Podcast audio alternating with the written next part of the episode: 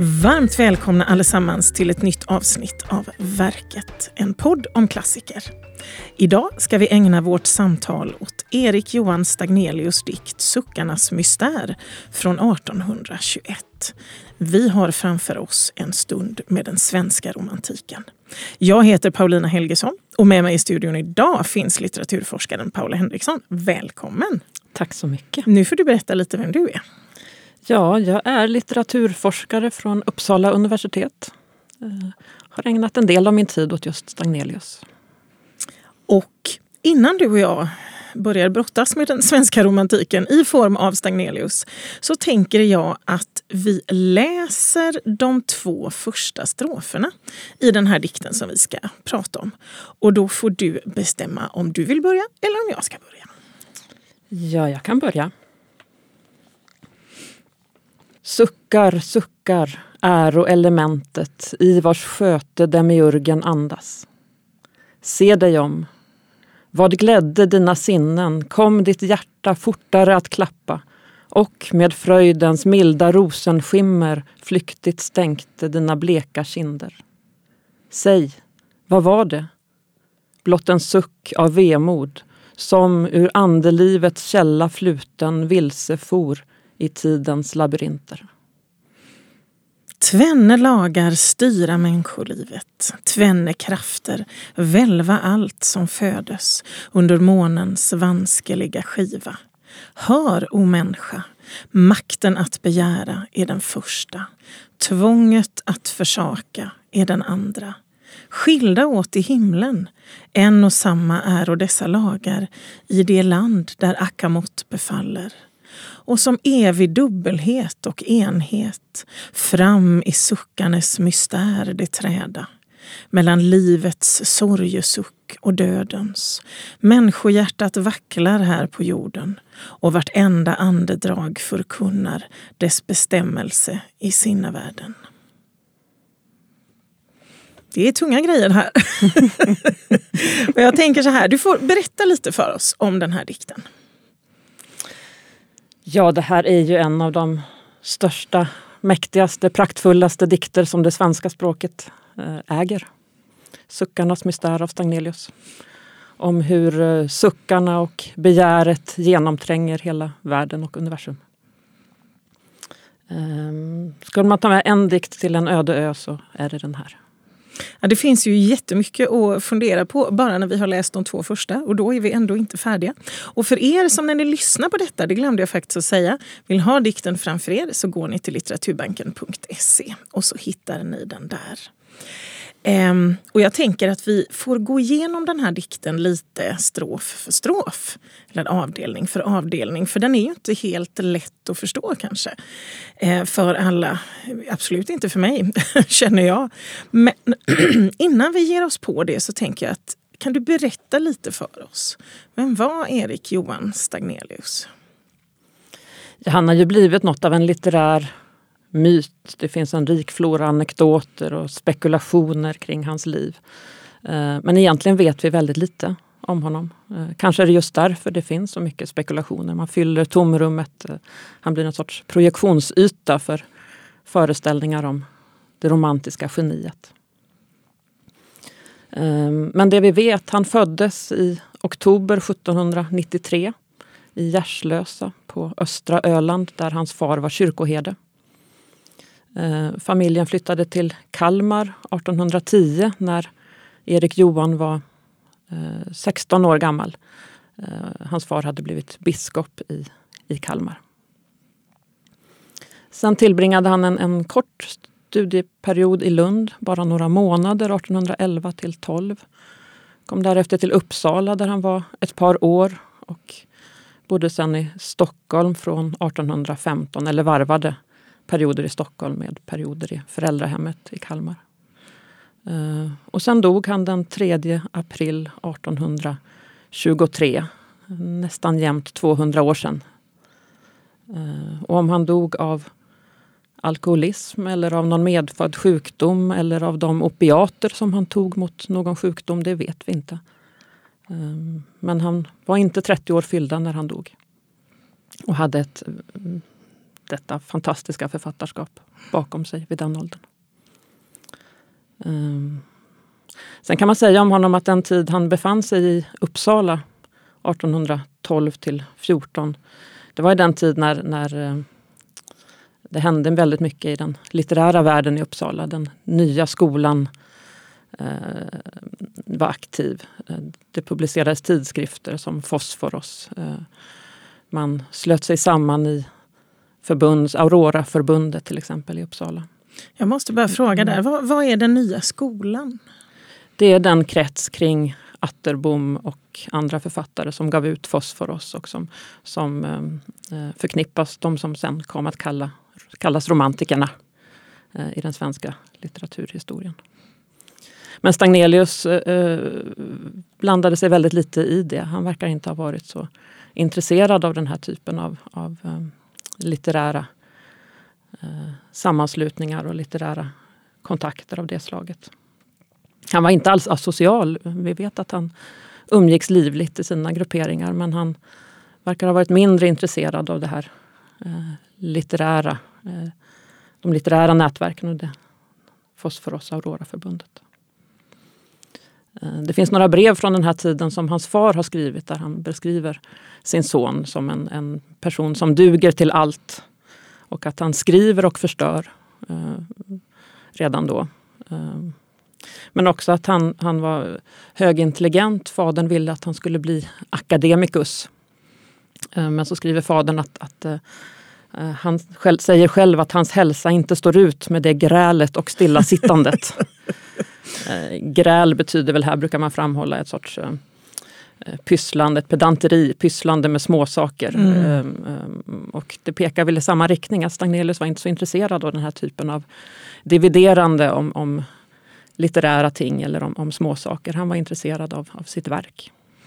Det är ju en utmärkt egenskap skulle jag säga. Men det är egentligen därför vi vet så lite om honom. Så att säga, för att han, han höll sig på sin kant. Är det, så? det finns väldigt få brev. Det finns eh, inte särskilt mycket publicerat av honom. Uh, han höll sig på sin kant, det kan man säga. Men som sagt, han var alls inte asocial. Nej. Det, det. Jag tänker, hur ser hans övriga författarskap ut? Nu ägnar vi oss åt en dikt idag ska sägas. Men uh, vad skrev han mer? Han skrev ganska mycket dramatik. Eh, och han skrev också en del eh, epos, Vladimir den store till exempel. Eh, och eh, Liljor i Saron som den här dikten ingår i innehöll också ett drama, Martyrerna. Eh, Bakanten är också ett, ett drama han är känd för. Mm. Och Liljor i Saron som du nämnde nu, det är ju den här samlingen har jag förstått som våran dikt är hämtad ur. Um, Gav han ut mer saker? Bakanten av Vladimir den store som jag mm. nämnde mm. utkom också under hans livstid. Men mm. eh, eh, det var en ganska sparsmakade volymer han gav ut. Det, hans stora genombrott kom med de samlade skrifterna som Lorenzo Hammarskjöld gav ut efter hans död. 1824 började de utkomma. Men han var inte heller okänd under sin livstid man blir ju lite nyfiken på det här, vem han var mer privat. Men eh, dit kommer vi ju inte att komma eftersom det inte finns någonting att veta. Så nu tänker jag att vi ger oss in i suckarnas mystär. Och då tänker jag mystär för den moderna läsaren. Vad betyder suckarnas mystär egentligen? vad ska man säga, mysterium, hemlighet. Det är, är ju en sorts världsförklaring egentligen av, av hur, hur um, världen är konstruerad. Ja, för de två första raderna suckar, suckar äroelementet i vars sköte demiurgen andas. Och då tänker jag att där undrar man lite stillsamt, demiurgen. Ja, där kastas vi rakt in i Stagnelius mytologi. Men i korthet så är, säger det här att vi befinner oss på jorden. Eh, suckar är det element som hela jorden byggs av. Mm. Det är liksom, Allt jordiskt. Ja, för det här är det lite sådär jorden som Jämmerdalen sådär som man känner igen. Jag skulle nog inte säga Jämmerdalen men det kan vi säkert komma tillbaka till. Mm. Um, när vi går igenom dikten. Ja. Den här första ja. partiet eh, ger ju en sorts grundpremiss för hela dikten. Ja, och vad är det det första partiet säger egentligen? Om man tänker att vi ska ha det i plain prose lite grann. Ja, men den beskriver suckarna som det grundvillkor som allting vilar på. Ehm, begäret och att inte få det vi begär. Alltså en sorts grundläggande oro som också är motorn i allting som lever. I, den här, I det här partiet så är det ju eh, glädjen och fröjden som står i centrum. Vad glädde dina sinnen? Vad kom ditt hjärta fortare att klappa? Och det är en suck av vemod. Så här är det suckarna som är, är själva motorn i glädjen. Ja, men alltså, dikten ställer ju en fråga här, precis som du säger. Vad glädde dina sinnen? Vem är det som får den frågan? Vem pratar dikten med? Ja, det här är ju en lärodikt och den här strukturen av frågor och svar ger ju en sån rytm i dikten. Eh, det är en, en världsförklaring som vi får genom frågor och genom svaren som dikten ger. Så om jag förstår dig rätt så är det så att den första delen här som vi pratar om, någon får en fråga, vad glädde dina sinnen? Och svaret på den är egentligen att det är suckarna som, som gladde sinnet. Stämmer ja. det?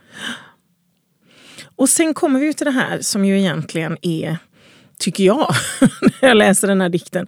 Det är ju den här fantastiska formuleringen. Makten att begära och tvånget att försaka kommer här för första gången. Vad betyder det? Ja, här kommer ju diktens förklaring. De två krafter som styr världen.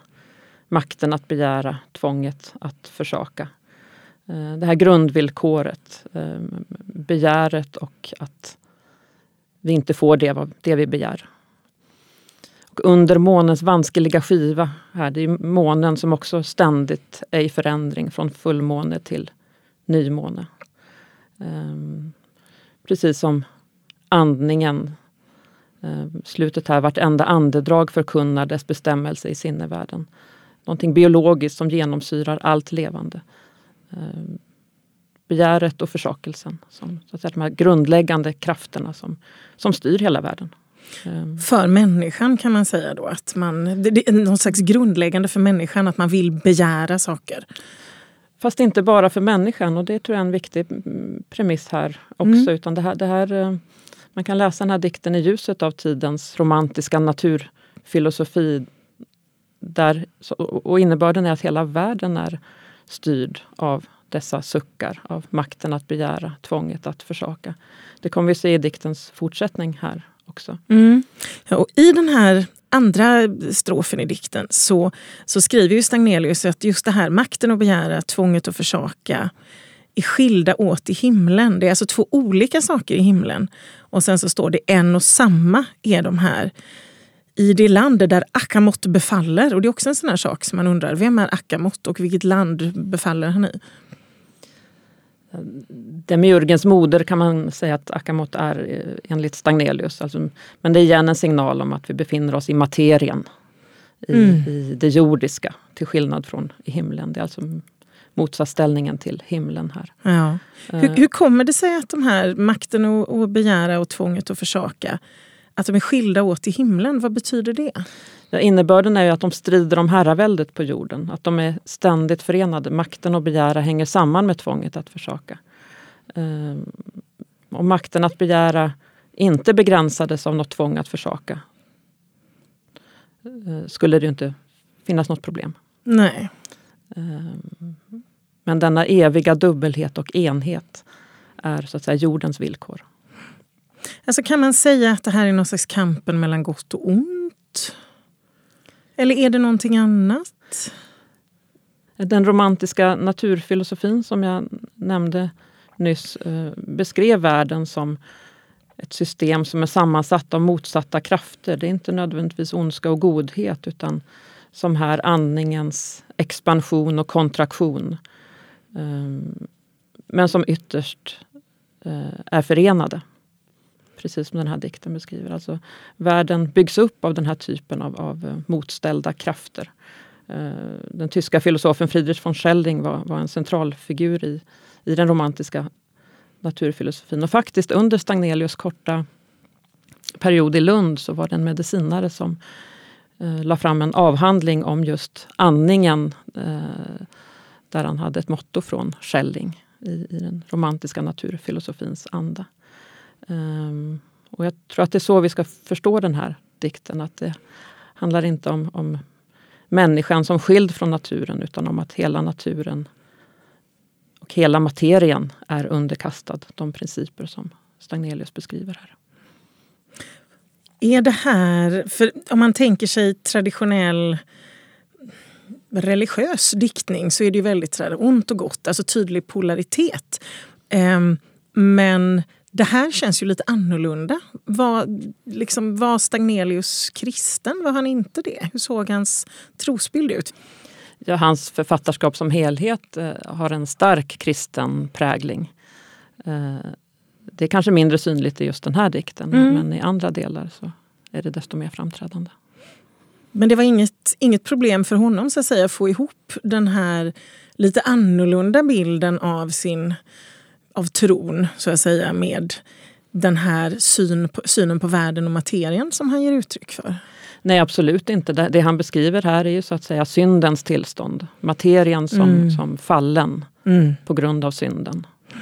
Uh, och det, när vi så småningom når slutet av dikten, Adla du till frihet detta tvång, så är det ju frälsningen han beskriver. Mm. Uh, så det här är en världsförklaring som är helt integrerad i hans mm. kristna världsbild. Ehm, men som inte behöver den för att bli begriplig. så att säga. Om vi fortsätter i dikten så efter att Stagnelius har kommit med den här, de här fantastiska raderna, makten och begära, tvånget och försaka, så kommer det några strofer eh, där havet och vinden och våren blir någon slags bilder för saker. Kan du berätta lite mer om det? Jo, men så är det. Som sagt, dikten börjar med det här partiet som är så att säga premissen för det hela och sen en sorts förklaring av dikten. Sen kommer de här tre stroferna som exemplifierar det han har beskrivit i den första och den andra strofen. Uh, först den här, det här fantastiska partiet om havet. Får jag läsa det? Ja, vi vill höra. Ser du havet, ilande det kommer vill med blåa längtansfulla armar under fästets bröllopsfacklor sluta till sitt bröst den liljekrönta jorden. Se, det kommer. Hur dess hjärta svallar högt av längtan, hur dess armar sträva. Men förgäves. Ingen önskan fylles under månen. Själva månens fullhet är minutlig. Med bedragen väntan dignar havet och dess stolta böljor flyr tillbaka suckande från stranden. Det är så fantastiskt. Och här är det havet som andas, suckar. Själva vågorna blir suckar. Och man kan också se inom det här avsnittet hur, hur eh, det byggs upp en förväntan i början av dikten som bryts i slutet. Missräkningen kommer. Eh, vågorna eh, drar sig tillbaka. Precis som månens fullhet är minutlig. Mm. Så den här eh, begäret och försakelsen som dikten handlar om byggs upp inom ramen för varje strof. här också. Ja, för alltså det är ju den här, man ser havet vill förenas med jorden men måste dra sig tillbaka. Det är någon slags längtan efter någonting som aldrig kommer att bli uppfyllt. Mm. Och nästa strof så är det vinden som blir egentligen samma exempel länge. Alltså man, man strävar till något som man inte får. Ja, det är motsvarande förväntan och besvikelse eller missräkning som byggs upp. Förväntan byggs upp i början av dikten och missräkningen kommer i slutet. Rent tyna rösterna. På lövens eolsharpa klingar svanesången ständigt mattare och dör omsider i slutet av dikten. Mm. Det är vindens röst som mattas av och dör. Mm. Mm. Och sen i den näst sista strofen så är det... Och den här strofen tycker jag är lite rolig för att den är, den är liksom lite kortare än de andra två om vinden eller havet. Um, och den, den påminner om de två i någon slags uppbyggnad men den är inte liksom helt lik heller. Stämmer det? Eller? Det här är det våren som, som exemplifieras, årstiderna egentligen. Mm. Det är samma kretslopp av suckar som syns i, i vårens blomstring och höstens förvissning. Alltså det är samma begär och försakelse som, som årstiden exemplifierar. Eh, och sen kommer ju också, vid sidan av växterna kommer ju också djuren in här, fåglarna. Mm. Lärkan och näktergalen. Också som suckar i växlande gestalter. Um, så, så från havet till vinden, till årstiderna, växterna och, och uh,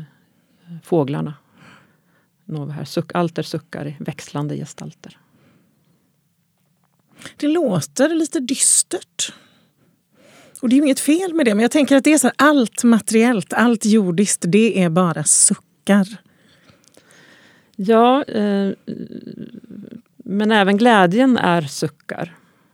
Så, eh, och vi kan ju också tänka att när, när andningen, som den här dikten beskriver, upphör, eh, då är vi ju döda.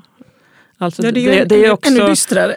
Ja, men det är också suckar som själva mm. livsmotorn. Mm. Det är också, också de krafter som upprätthåller livet. Alltså begäret som det som upprätthåller livet. Um, så jag tror inte att man ska se det som enbart dystert. Nej, och för det är ju jättespännande där att även, även glädjen är så att säga suckar. Mm. För att jag tänker suckarnas plats i litteraturen den handlar ju ofta om det här med sorg, förlust. Mm. Här får ju suckar en helt annan innebörd. Ja, de blir ju den oro eller livsdrift som så att säga, mm. Eh, driver människan och naturen och världen framåt. Alltså något oerhört fundamentalt hos mm. inte bara människan utan hela den natur som hon är en del av. Och som hon delar villkor med. Ehm, för det är också en, en eh, poäng med den här dikten. Att, att naturen och världen är av samma slag som människan och ingår i samma verklighet. Det är inte så att människan är skild från naturen utan eh, vi delar villkor. Och om den här andningen upphör, om vi slutar andas, då dör mm. vi. Kan man säga att Stagnelius är lite unik som använder suck suckar på det här viset i litteraturen. Det låter som att jag vill att du ska kunna hela den svenska litteraturen. Men du förstår vad jag menar utifrån suckarnas normala plats inom citationstecken. Ja, han gör ju något helt, helt speciellt i den här dikten. Sen går det naturligtvis att hitta litteraturhistoriska paralleller av olika slag. Ehm, men det hindrar inte att hans version av det här är unik naturligtvis. Mm. Och sen kommer vi då till den sista strofen. Jag tycker du får läsa den nu. Människa, vill du livets vishet lära, o, oh, så hör mig. Tvenne lagar styra detta liv. Förmågan att begära är den första. Tvånget att försaka är den andra.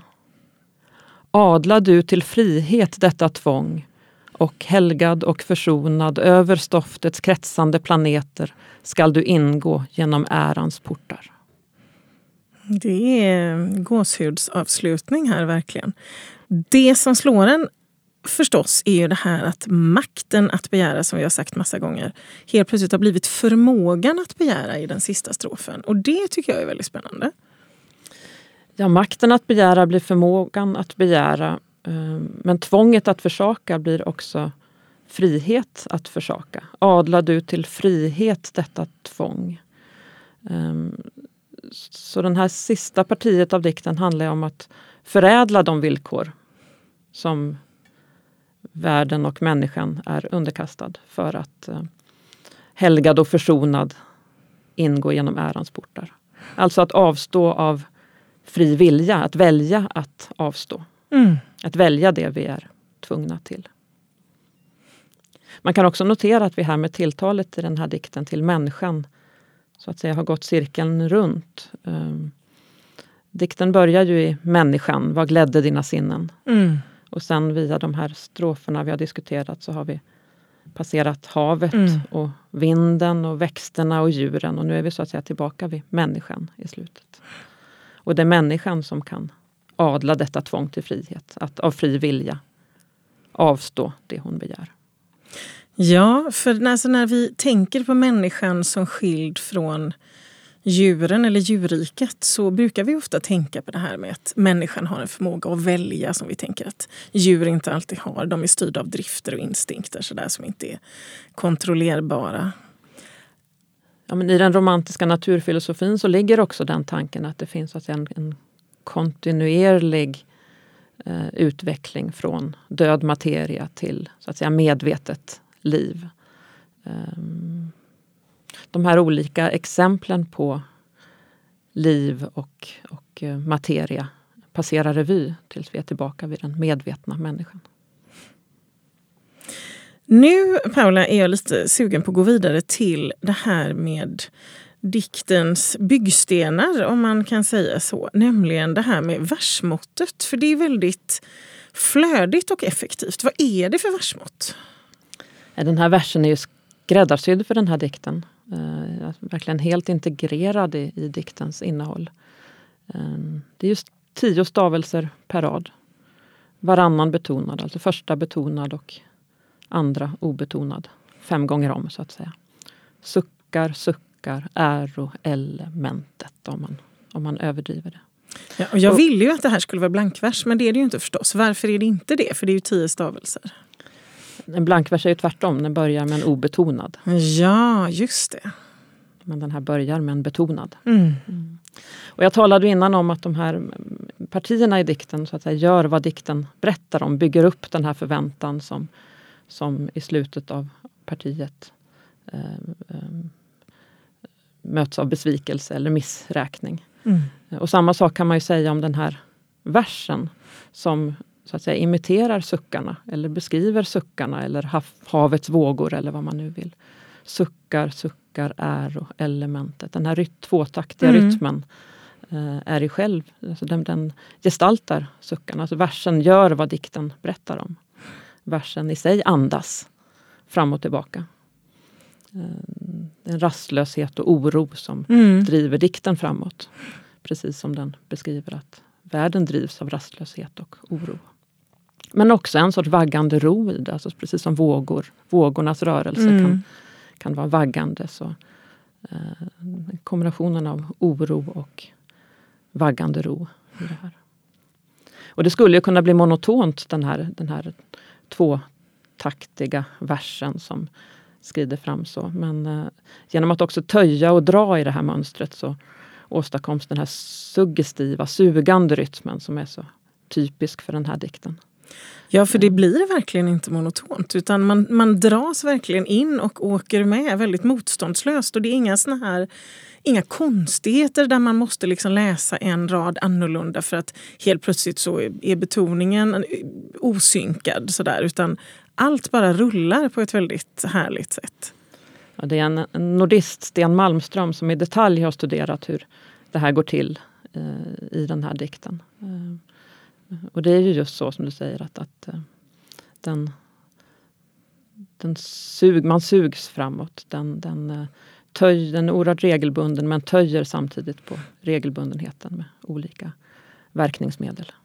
Är det här versmåttet någonting, eller ja, det är egentligen inget versmått, men är det här sättet att skriva dikt, om man säger så, är det här någonting som är typiskt för Stagnelius eller är det lite speciellt för just den här dikten? Här visar sig ju Stagnelius språkmagi. Alltså han är ju en, en språkmagiker eh, i allt han skriver. Men man ser ju inte minst i den här dikten hur språket blir böjligt i hans hand. Han, han, kan, göra, han kan trolla med det. Och med den här versen som andas så går han ju också rakt in i läsarens andning när vi läser dikten. Mm. Vi andas i diktens rytm och vi, vi eh, får en så att säga, direktförbindelse genom rytmen som i sig är andning, som dikten handlar om. Så det här är ett eminent exempel på hur dikten gör det den talar om. Och Det här är ju verkligen en dikt som man, även om man läser den för sig själv, med fördel skulle läsa högt. Det är som att det gör någonting väldigt härligt i, liksom med en, i kroppen när man läser den här dikten högt. Ja, verkligen. Och nu när vi har betat av versmåttet så tänker jag att vi måste prata lite om det här med Stagnelius bildspråk. Det där får du nästan börja och säga saker, för du har ju verkligen koll på det här med hur han använder sina bilder. Ja, men det är också en väldigt intressant fråga i den här dikten. Om det här är bildspråk eller inte. Havet och vinden och våren och lärkan och näktergalen och blommorna. Mm. Uh, alltså är det bilder som säger någonting om människan? Alltså är det människan som projicerar sitt inre på världen och naturen? Eller vill han faktiskt säga någonting om världen och inte bara om människan? Då är det ju inte längre ett bildspråk utan så att säga ämnet för dikten, mm. naturfilosofi. Eh, och som jag har antytt så, så tänker jag också att det är så, så vi ska se den här dikten. Att havet är egentligen inte en bild för själens förtvivlan här utan dikten handlar också om havet. Kan det eh. vara båda delarna?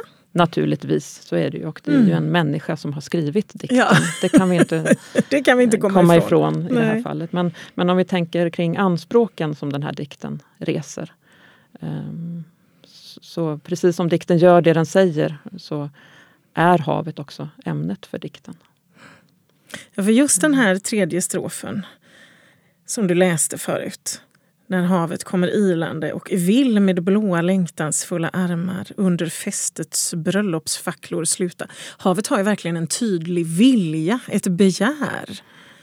Ja, det är ju en enastående bild, det måste man ju också säga. Och Stagnelius är enastående Eh, på att hitta den här typen av väldigt konkreta bilder för saker. Man kan tänka på dikten Endymion också där det är eh, det vita månskenet som är en oerhört konkret bild som får gestalta diktens skeende.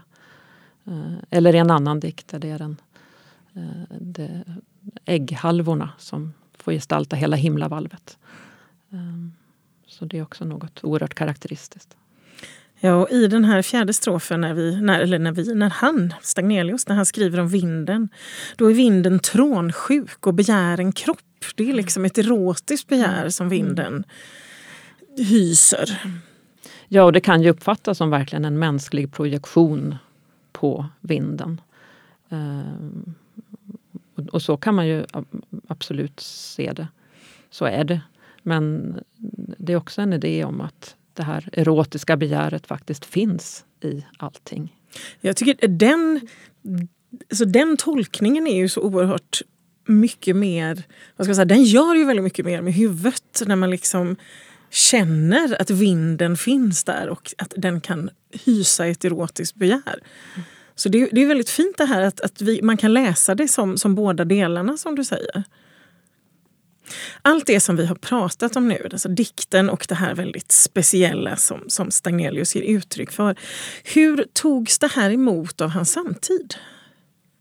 Ja, men när Liljor i Saron gavs ut 1821, det var då den andra delen som den här dikten ingick i, ehm, så recenserades häftet i de större tidningarna och just Cyckarnes mystär lyftes fram som en av recensenterna skriver den skönaste blomman av vår skalds lyrik. Eh, så det här uppskattades redan i sin samtid. Ehm, inte minst hans hans vers. Den mest väljudande versifikation skriver samma recensent. Ehm, så han blev uppskattad. Eh, även om genombrottet som jag sa kom kanske lite senare. Men, men eh, den här dikten tror jag uppskattades från första stund. Han blev hyllad som en av tidens allra största författare. Ehm, den kritik han mötte, som bland annat kom från Atterbom, eh, gällde just hans dysterhet eller förtvivlan, alltså den, den eh, missräkningen som, som den här dikten handlar om. Eh, Atterbom tyckte väl att Stagnelius inte kunde fylla poesins högsta uppdrag. Alltså det här var inte tillräckligt uppbygglig litteratur, inte tillräckligt optimistisk och förtröstansfull för att uppfylla de förväntningar Atterbom hade på den allra högsta litteraturen. Um, det har vi nog mindre problem med idag. Ja, jag tycker det är väldigt bra att vi inte behöver ta hänsyn till sådana anspråk. Men förstod man Stagnelius? Alltså, var, var det bara välljud? Det är ju inte så bara. Men förstod man vad det var han ville säga? Och kanske inte bara kritikerna utan liksom läsare i största allmänhet? Just, ja, i den mån vi förstår honom skulle jag säga att de mm. förstår honom. Du sa så vitt vi förstår honom och det får mig att tänka lite på är Stagnelius läst idag? Vad är din bild av det? Ja, han är en av det svenska språkets största och mest lästa poeter. Skulle jag. Han är väl den poet från den här tiden som har överlevt och som hittar nya mm. läsare mm. i varje generation. Och jag tror kanske att det är just det här intensiva tilltalet som når fram. Alltså när dekorationer och utanverk så att säga har föråldrats så når ändå kraften i dikten förbi det. Ehm, en Stagnelius-läsare brukar påminna om när Expressen 2007 skulle utse Sveriges tio bästa dikter. Jag tror att de lät någon panel, någon ganska stor panel rösta. Då knep Stagnelius fyra av tio platser. Eh, jag vet inte vad det Det var ju väldigt bra jobbat får man säga. Och vi har ju talat om Stagnelius så säga, suveräna språkbehandling och hans skicklighet och precision i varje detalj. Ehm, men jag skulle ändå säga att resultatet kräver inte att man ser det här i detaljerna. Alltså det, hans, det här suveräna språket gör är ju att det går rakt in. Mm. Det är som att eh, Stagnelius och den här dikten med någon sorts kirurgisk exakthet kommer åt en nerv som ligger blottad hos många läsare idag. Och hur han gör det sen, det är en annan sak. Det var en väldigt fin beskrivning tycker jag. Är Suckarnas mystär en typisk Stagnelius-dikt? Ja, I den meningen skulle jag säga det att den demonstrerar hans eh, språkmagi. Hans eh, suveräna handlag med eh, både formen och innehållet. Men de här två raderna, tvånget att begära, makten att försaka, de är ju så att säga hela navet som den här dikten kretsar kring. Hur skulle man kunna läsa de raderna idag? Ja men så är det verkligen och du märkte kanske inte att du kastade om raderna Va? precis. eh, makten att begära, tvånget att försaka skriver Stagnelius. Men ja. tvånget att begära, det säger någonting oerhört centralt om Stagnelius dikt. Att vi inte kan välja att begära. Det är en premiss för allt liv under månens vanskeliga skiva som han skriver. Det är ett tvång att begära. Det var väldigt freudianskt det här för att eh, jag, jag hade inte tänkt på att, eller jag hörde inte att jag sa fel. Men också det motsatta tänker jag. Eh, eh, tvånget att försaka, det är ju också det vi har talat ja. om. Och i Atterbom som jag nämnde som inte var helt nöjd med allting i Stagnelius världsförklaring. Han skrev faktiskt ett svar på den här dikten där han just kastade om beteckningarna. Nej. Där han skrev Spännande. att det som, är, det som är givet dig som makt är att skjuta tillbaka allt jordiskt begär, alltså att avsäga sig begäret. Ja. Um, det är en, en sant evig fråga. Ja, alltså när jag läser den här och ska då säga det rätt, Gudars skymning. Makten att begära, tvånget att försaka. Jag, alltså när jag läser den här dikten idag, så de här raderna slår ju mig som en väldigt bra illustration av hur vi har det på vår planet idag. Vi har så mycket makt, i alla fall vi i vår del av världen. Um, men vi lyssnar kanske, eller det här tvånget att försaka, det är någonting som vi inte lyssnar på. Ja, vi ser nya konsekvenser av människans begär. Vi ser plastberg och artutrotning och torka och översvämningar. Ehm, Kerstin Ekman har refererat till just de här raderna eh, i den meningen att eh, makten att begära har den moderna människan men tvånget att försaka känner hon inte. Alltså det är ju fantastiskt spännande. Och jag tror att det är ju svårt nästan som människa idag att inte läsa de raderna på det viset. Om man ser dem som någon slags beskrivning av de villkor vi lever under. Att det finns inget tvång, eller att, rätt sagt så här, det finns ett väldigt konkret tvång att försaka idag. Men det är väldigt svårt att veta, veta hur det ska gå till. Ja.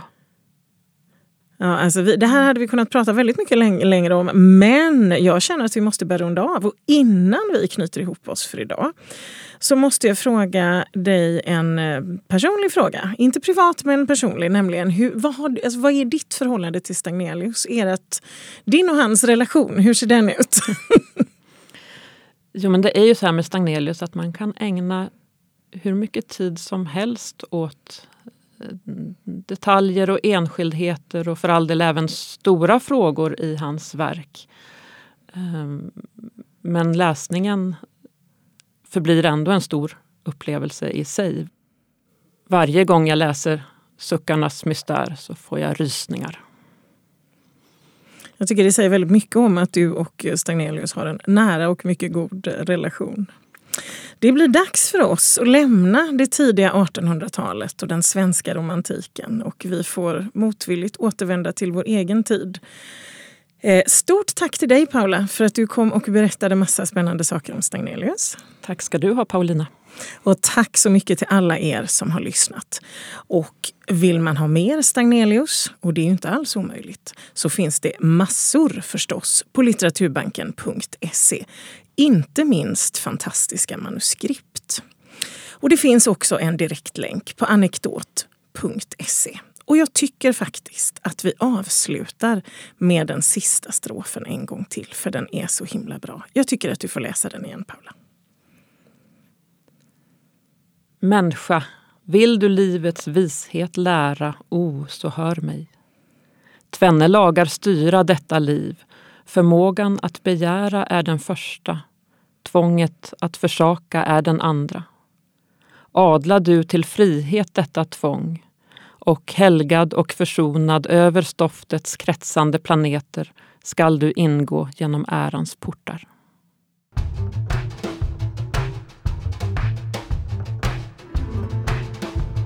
Du har lyssnat på Verket, en podd om klassiker, producerad av bildningsmagasinet Anekdot i samarbete med Nationalmuseum och Litteraturbanken. Alla avsnitt samt fler poddar, filmer och essäer hittar du på anekdot.se.